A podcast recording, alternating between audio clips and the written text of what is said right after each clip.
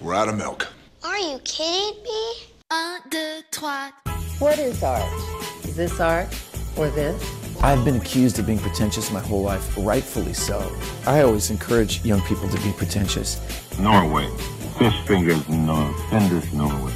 We know a certain fjord in Norway. In order to be a great artist, you simply have to be a great artist. There's nothing to learn.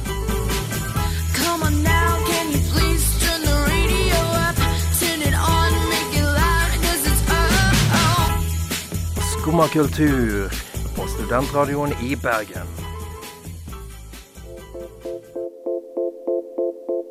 Kan det å unngå noe i livet ditt egentlig berike det? Og kan eh, denne forbudslisten inneholde ting som alkohol, tilfeldig sex og dating? Og kanskje til og med kjøtt og koffein. Denne uken på Skummakultur ser vi nærmere på de fascinerende straight edge og k-pop-kulturene.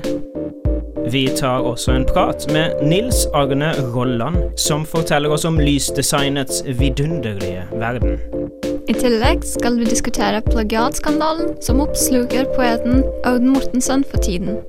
Du hører på Studentradioen i Bergen med Valeria Sjubatova, Mikael Andreas Sandøy og meg, Samantha Hatten. En stappfull sending har du i vente, men vi kickstarter det hele med Childish Gambinos Sober.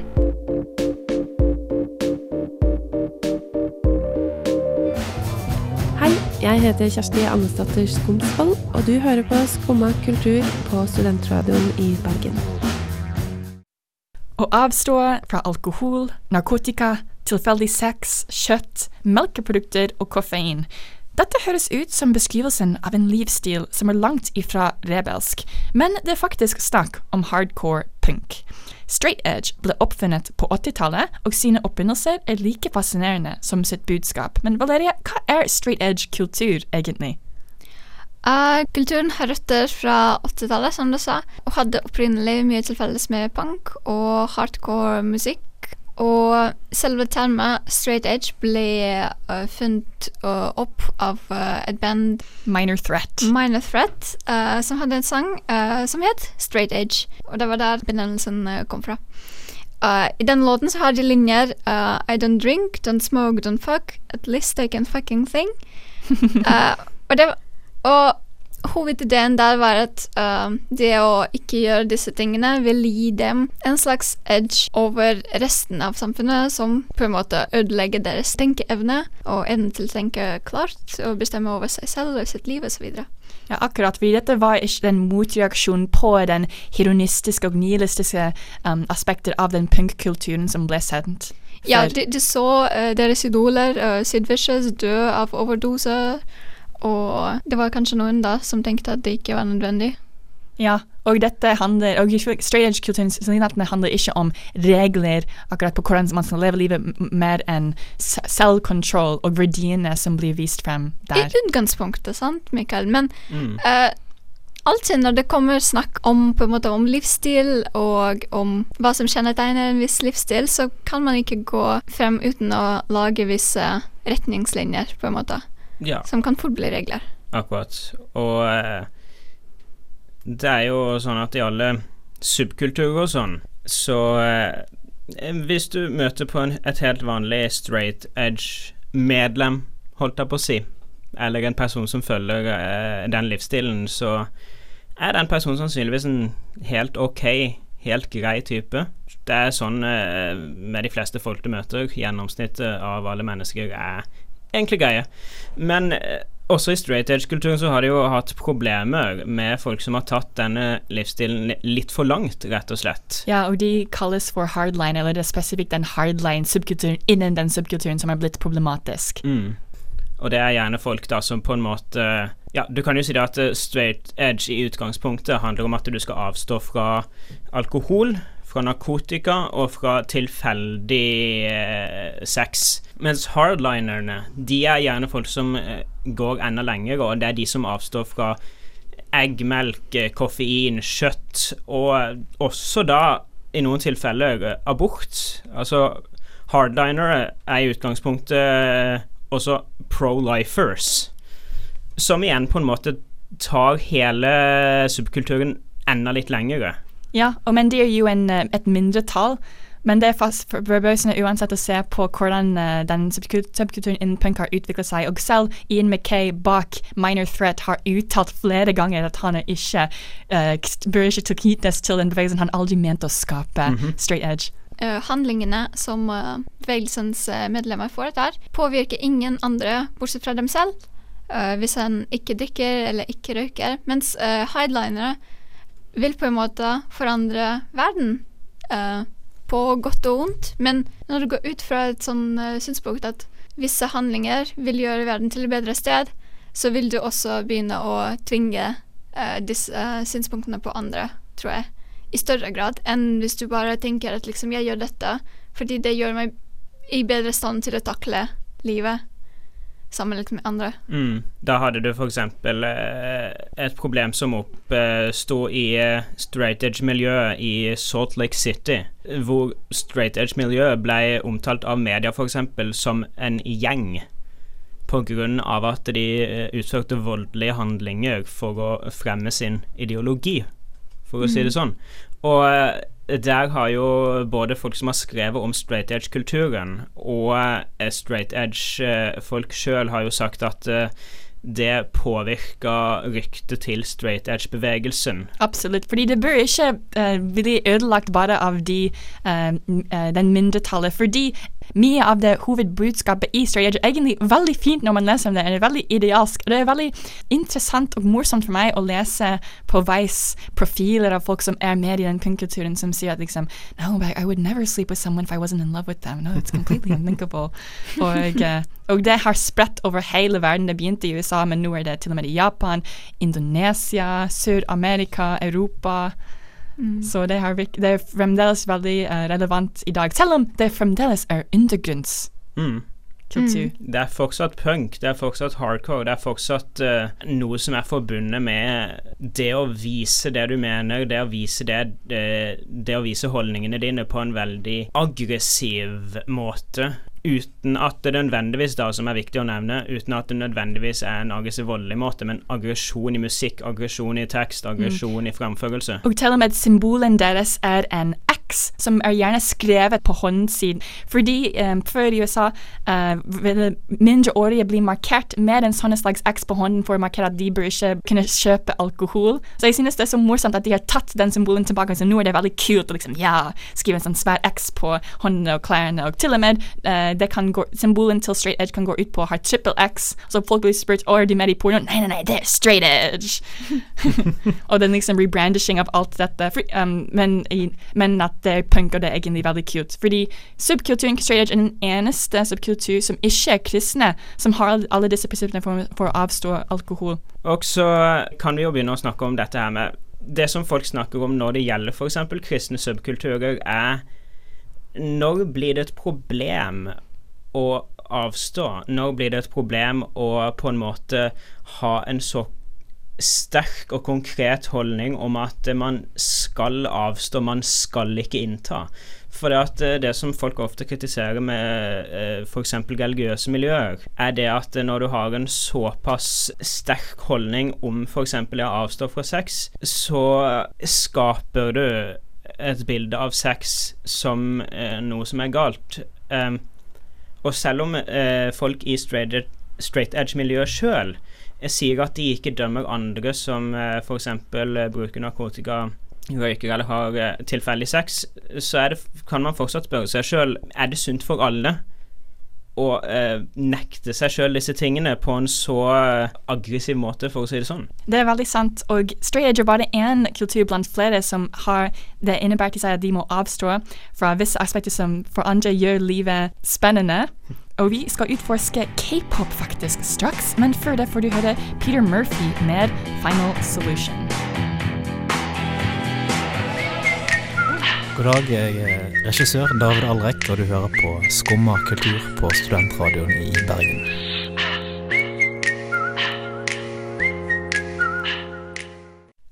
Straight edge subkulturen innbefatter det å avstå fra flere uvaner. Men hva med å måtte avstå fra dating? Og for helt ulike grunner. Det er ikke noe hemmelighet at jeg er veldig glad i k-pop og spiller det ofte her på Skumma kultur, men bak kulissene er det en fascinerende og kontroversiell aspekt av industrien. Ofte knyttet til idoler innen k-pop-bander er et datingforbud. Men Mikael, hvorfor må k-pop-idoler vente med å finne kjærligheten? Vel, det handler om image, rett og slett. Det handler om at k-pop-idolene de har et- image som de på en måte skal dyrke, som de skal vise for fansen sin. Og det er fordi at fansen av k-pop, altså skikkelig fans av k-pop, de elsker idolene sine. Og altså, de elsker de som en kjæreste, nesten. Det er et ganske annerledes slags dynamikk enn vi opplever på vestlige popstjerner, Mm. og hva slags forhold folk har til de. Du kan se tilbake på Beatles-hysteriet. Eller du kan se på hvordan folk tenkte på boybands og Justin Bieber og den typen ting i litt mer moderne tid, men k-pop tar det til et helt nytt nivå. Ja, fordi det er faktisk slik at for mange kontraktene av disse k-pop-stjernene har de ikke lov til å date, og mange av disse forbundene blir løftet bare når de nærmer 30-årene bare, og, og at når fansene deres har også vokst opp og kan bevege videre. Sies å være uh, sånn også fordi selskapene ser på disse kontraktdeler som en slags forsikring om at eh, idolen kommer til å konsentrere seg om jobben. og uh, ja, kommer til å bli investert i karrieren, og ja, de må være, rett og slett være liksom gift med jobben sin i selskapene sine øyne, og det er da de får mest profitt. Og den eneste kjærligheten som de kan fokusere på, er den kjærligheten for deres fans. Det er ikke uvanlig at når en k-pop-stjerne blir spurt på et intervju hva er den ideelle type, at de svarer min ideelle type er mine fans. Og hele språket som også kjennetegner hvordan de idolene snakker om deres fans, har veldig mye i likhet med hvordan man snakker om en kjæreste. For eksempel, mange av disse kallenavnene for fansene deres kan inkludere navn som Angel, Hottest, Baby. Og istedenfor å si 'Å, jeg håper at du skal fortsette å være glad i oss', de sier 'nei, ikke være utro mot oss'. Selv hvis band tar et sånn avbrekk og tar en pause for å lage musikk, eksempel hvis en går på militæret på på førstegangstjeneste. Og det er helt fascinerende. Og det er mest opp for uh, fansene også, fordi uh, jeg bare tenker tilbake til hvordan jeg var da jeg var 16 og var helt forelsket i David Bowie. Og det var liksom Det var ingen tegn på resiprositet i det hele tatt fra hans side da. Uh, han var jo gammel med kone og barn og egentlig hadde avsluttet karrieren sin på det tidspunktet nesten. Men det stoppet ikke meg fra å ha alle mulige intervjuer med han på datamaskinen min, og liksom se på dem nesten hele tiden, og, og så videre. Ja, og jeg tenker, hva ville det gjort med meg hvis i en sånn situasjon så hadde jeg liksom en yngre ledig David Bowie som snakket til meg som om jeg var kjæresten hans. og sa til deg 'I love you, I miss you, let's be together forever'. Hvis da eksempel eh, disse k-pop-stjernene bryter kontrakten sin, både kontrakten de har med plateselskapene og produsentene, og også denne her eh, sosiale kontrakten de har med fansen sin, så vil jo det resultere i ganske alvorlige konsekvenser. Ikke bare betyr det at kanskje karrieren deres blir utsatt, men fansen kan reagere med sjokk og vantro og hat fordi at eh, kjæresten deres feila de. Ja, og det kan faktisk føre til at de minsker populariteten til det bandet i etterkant av en skandale. Men uh, i k-pop-verden er det også veldig vanlig å ha bare ett favorittband og følge akkurat liksom det bandet og være liksom sammen med bare det ene bandet. Så hvis du føler deg sviktet, så selvfølgelig du, du bytter. Den type emosjonell investering, det er jo fans også oppfordret til, på en måte. Absolutt. Fordi de er virkelig oppmuntret til å utvikle en, en emosjonell tilkobling til Mm. disse idolene. Og det må være ganske forvirrende for tenåringer, tenker jeg. Mm. Som på en måte skummer sin eminente marxist, så må jeg jo si det at eh, eh, det er ganske mange ganske store problemer med dette her fra et eh, fra et eh, kapitalistisk politisk perspektiv, på grunn av at eh, denne måten å se på en artist er jo noe som eh, er designa av plateselskapene. Det, det gjelder ikke bare k-pop, det gjelder Vesten også. Eksempel hysteriet rundt boybands og unge artister sånn som eh, Justin Bieber er jo eh, noe som plateselskapene elsker. Men spesielt i k-pop så har du rett og slett det problemet at K-pop-artistene har i praksis ikke kontroll over sin egen karriere. De har ikke kontroll over det de produserer, pga. at eh, de er kontraktfesta til å, ikke kunne leve normale liv. Nei, de gjør det ikke. Men også de er bevisst på det når de melder seg opp til det. Men uh, uansett er det virkelig forbausende og også frustrerende å tenke på hva de må ofre for å kunne bli en idol. Men ifølge Soul Beats nettsiden i det siste, de har begynt å avslappe litt på disse datingforbudene, og det begynt å være en forandring i kulturen. Det var en uh, kjent k-pop-stjerne som sa på hans Twitter liksom at han, etter han ble tatt for at å, nå holder du på, med en av han sa liksom at jeg kunne ha mitt eget liv òg. Så uh, folk mener at denne forandringen kommer til å bare um, fortsette. Men det blir uansett fascinerende å legge merke til hva som foregår bak kulissene i Mhm. k-pop-verden. Men nå må vi få en servering av k-pop. Her får du Big Bang med Fuck It. Og etter det skal vi få høre et intervju med Nils Arne Rolland om Lease Design. Du hører på Skumma kultur på studentradioen i Bergen. På konserter og på teater er det utallige iøynefallende detaljer man kan legge merke til. Men hva er noe som alle ser på, men som man aldri tenker over? I dag på Skomakultur skal vi belyse en ganske så undervurdert, men essensiell aspekt av oppsetninger, nemlig lys. Nils Arne Rolland er lederen til Kraft på Kvarteret, og mener at det finnes mange misoppfatninger rundt det verktøyet. Ja, altså lys er jo noe alle ser på en konsert. Det er noe alle opplever. Eh, men de færreste legger merke til det, fordi de fokuserer selvfølgelig på artistene som er belyst. Helt til f.eks. lyset går av, der det ikke burde gå av. Eller der lyset plutselig er i publikum når eh, eh, artisten skal ha en leken liten monolog. Og derfor er det vi ofte sier at lys er bra, eh, og blir ikke lagt merke til når det er bra. Og helt til det da blir eh, dårlig, og da ser alle det. Og hva fører til bra lys? Eh, bra lys får du når du følger musikken. Eh, når du har en viss innsikt i hva artisten skal spille, og hva eh, målet med musikken er. Eh, er det dyp og mørk, eh, introvert musikk nesten, som er veldig i, i- innad i artisten, så har du ikke lyst til å ha et ekstremt blinkende lys på scenen. Eh, da har du lyst til å fokusere lyset inn og faktisk prøve å gjøre scenen mindre. Og endre rommet sånn at du, det gjenspeiler det artisten synger om. Mens hvis du har en veldig ekstrovert eh, artist som er veldig ute i publikum og sånt, da eh, forventes det jo at eh, lyset blinker mer og gir mer uttrykk for, å, for den følelsen til artisten. Og det er jo det det bunner i. Hva, hvordan føles musikken, og hvordan gjenspeiler du det visuelt. Det er fascinerende hvordan at man må tilpasse akkurat til stilen av artisten. Hvilken rolle spiller farge, eller hvilken slags farger tyr du til for ulike slags stemninger du vil skape?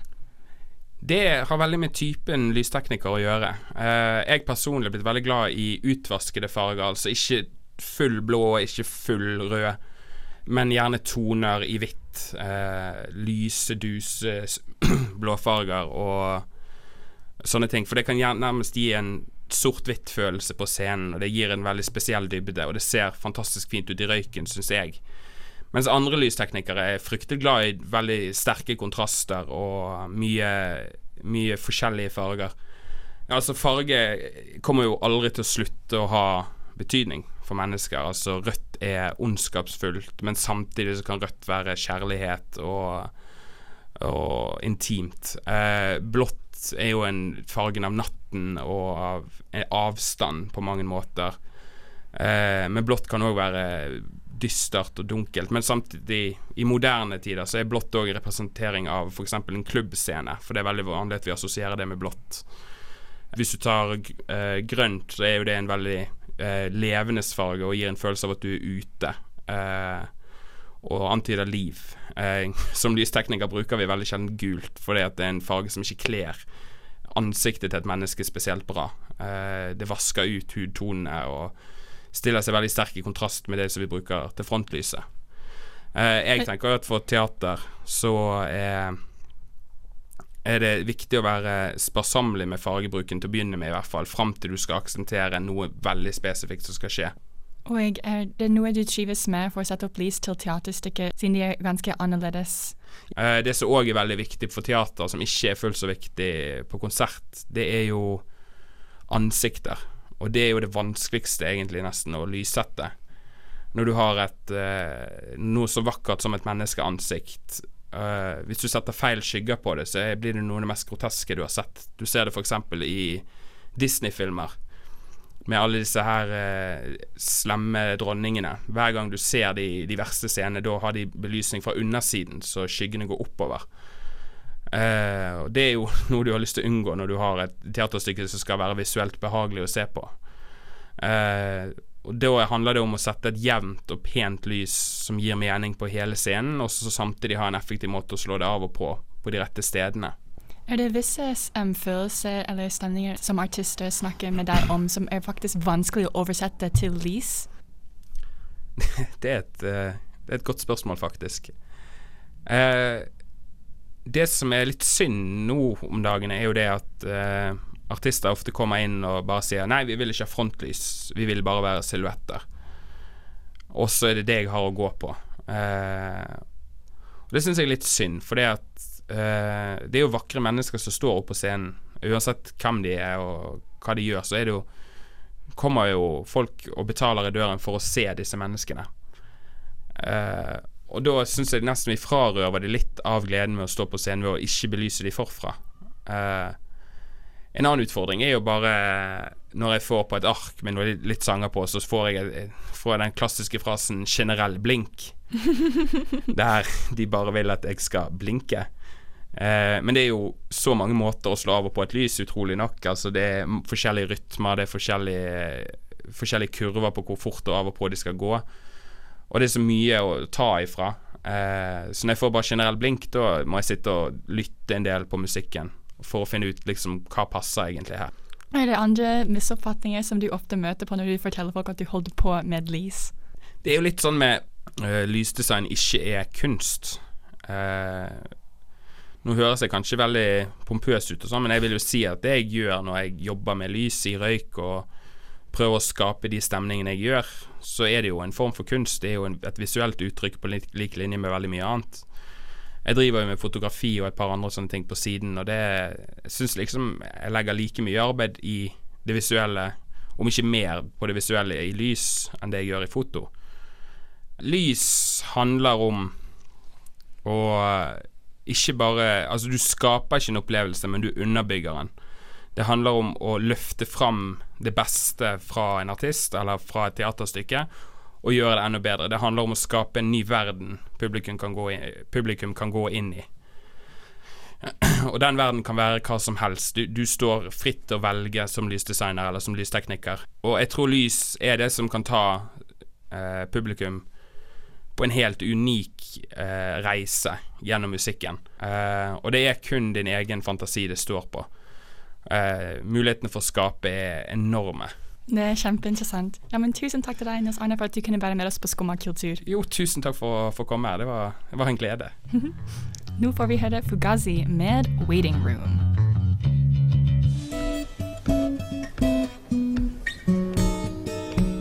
I keep drinking malted milk, Du hører på Skummakultur på Studentradioen i Bergen hver mandag klokken 11. I keep drinking malted milk, trying to drive my blues away.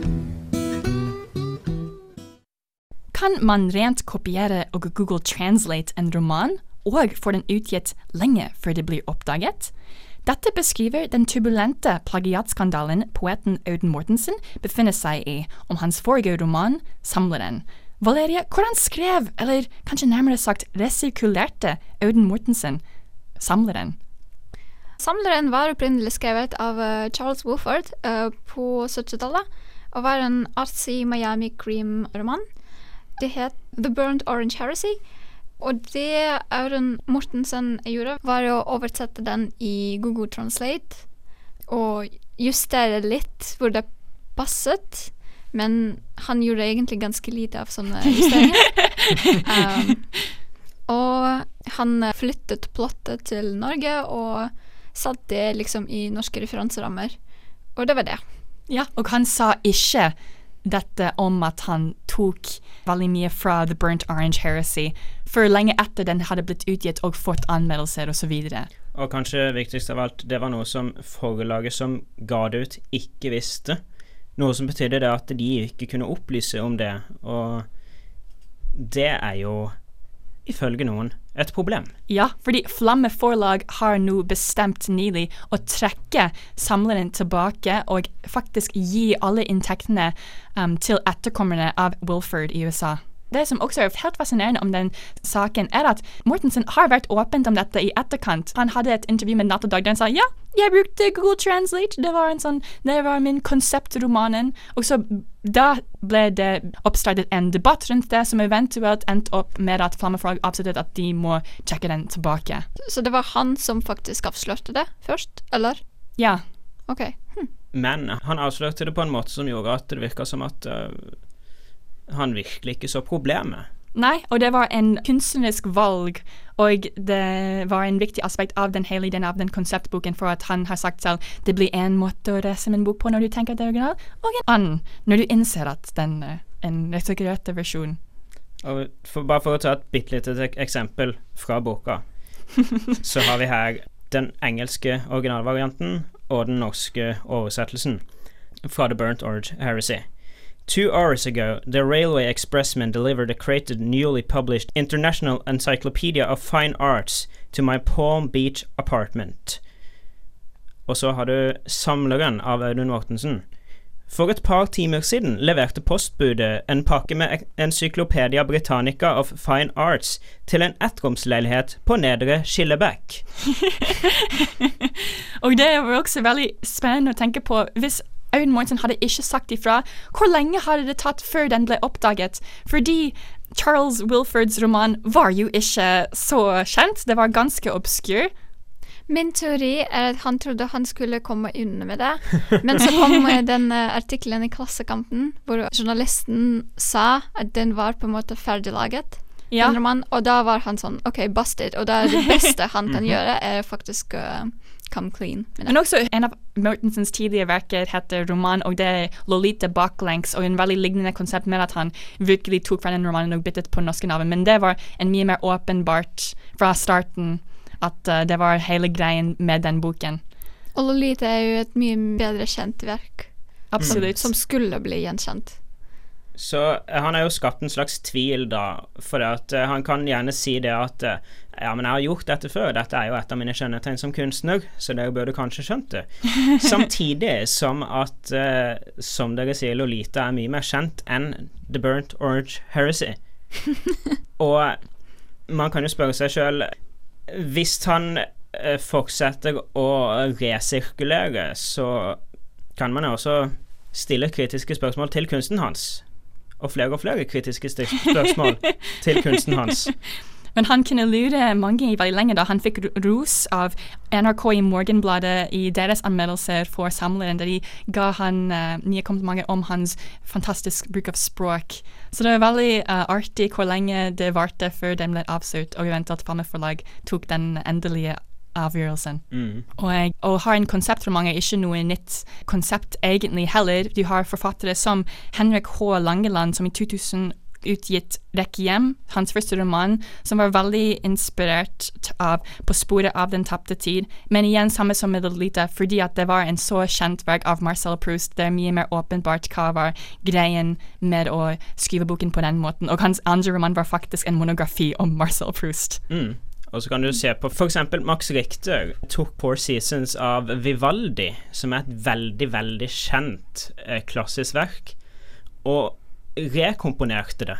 Tok rett og slett og eh, bytta rundt på ting, remiksa det, og remixing er jo også et veldig kjent fenomen i musikken. Absolutt, det er utbredt over utallige kunstformer, og det er også en veldig interessant debatt om hvilken grad man kan være original. Og det skal vi faktisk se nærmere på, men før det får vi høre 'Borderline and Ode to Self-Care' av Solange featuring Q-Tip.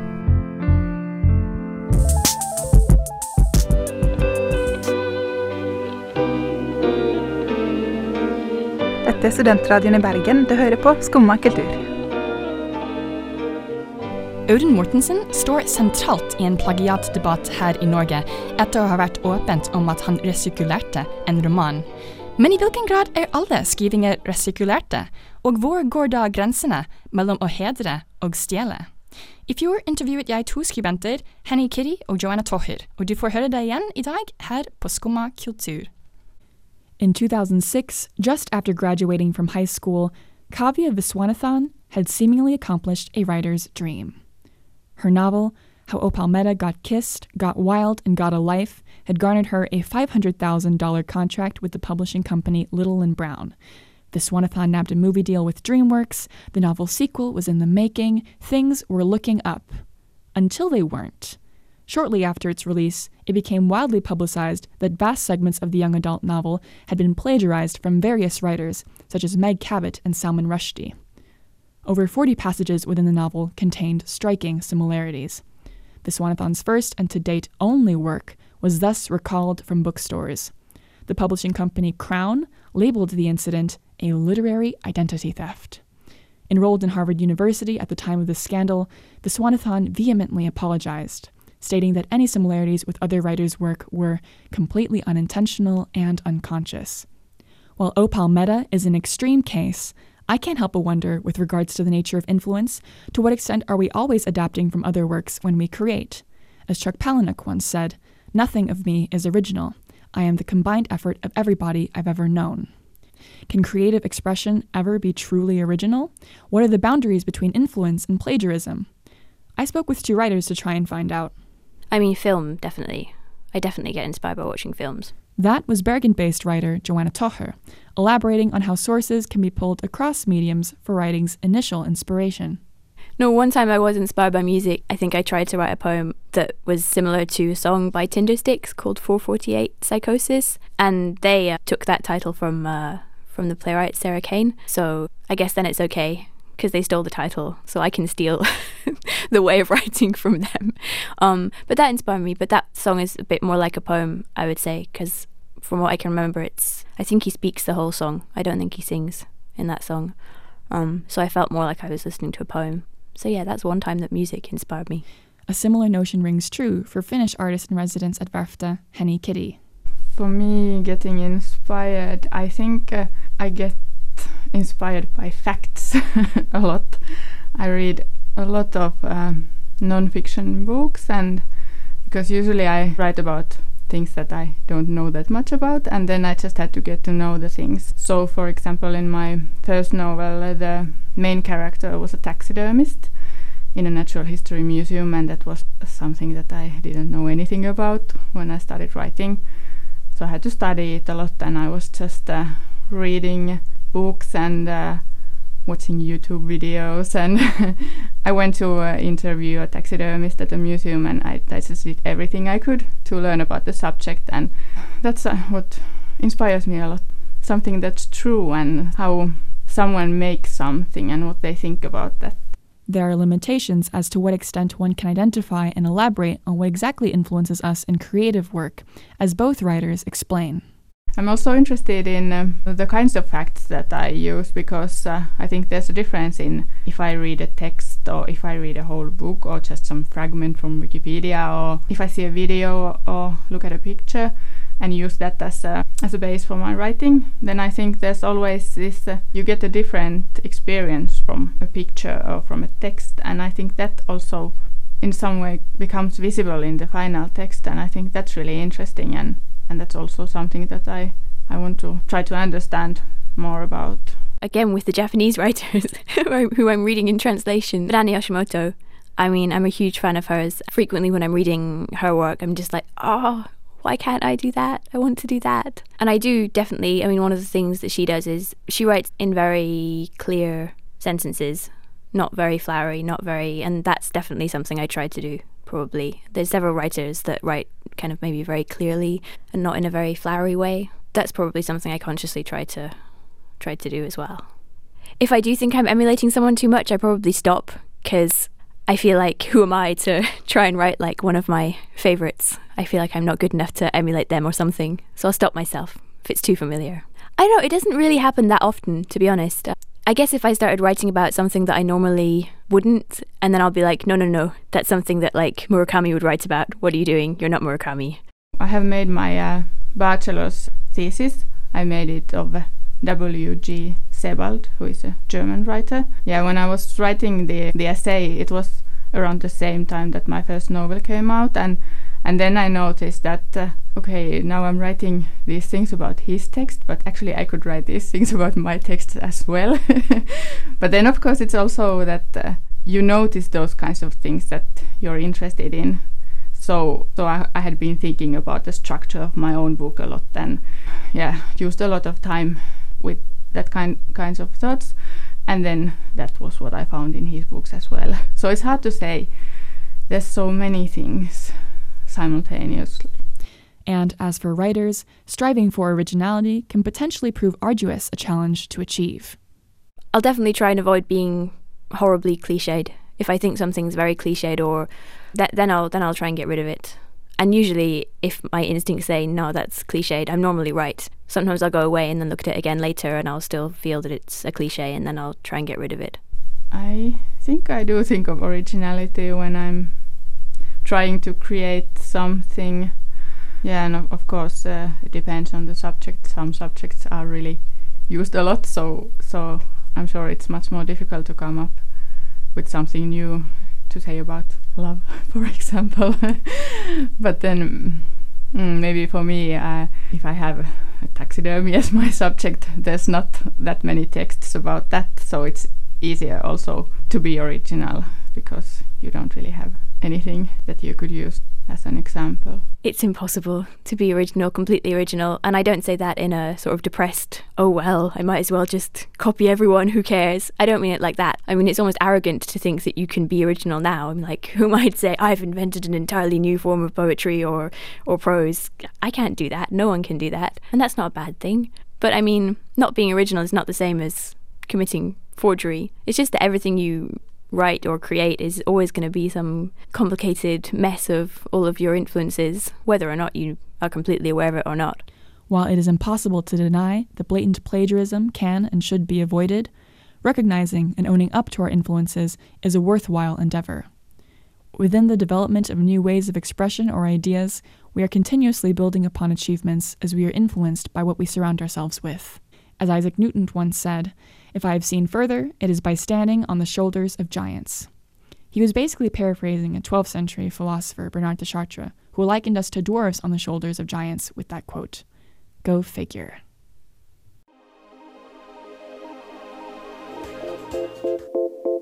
Der fikk du høre Cut Copy med So Haunted, og det var alt vi rakk denne uken her på Skumma kultur.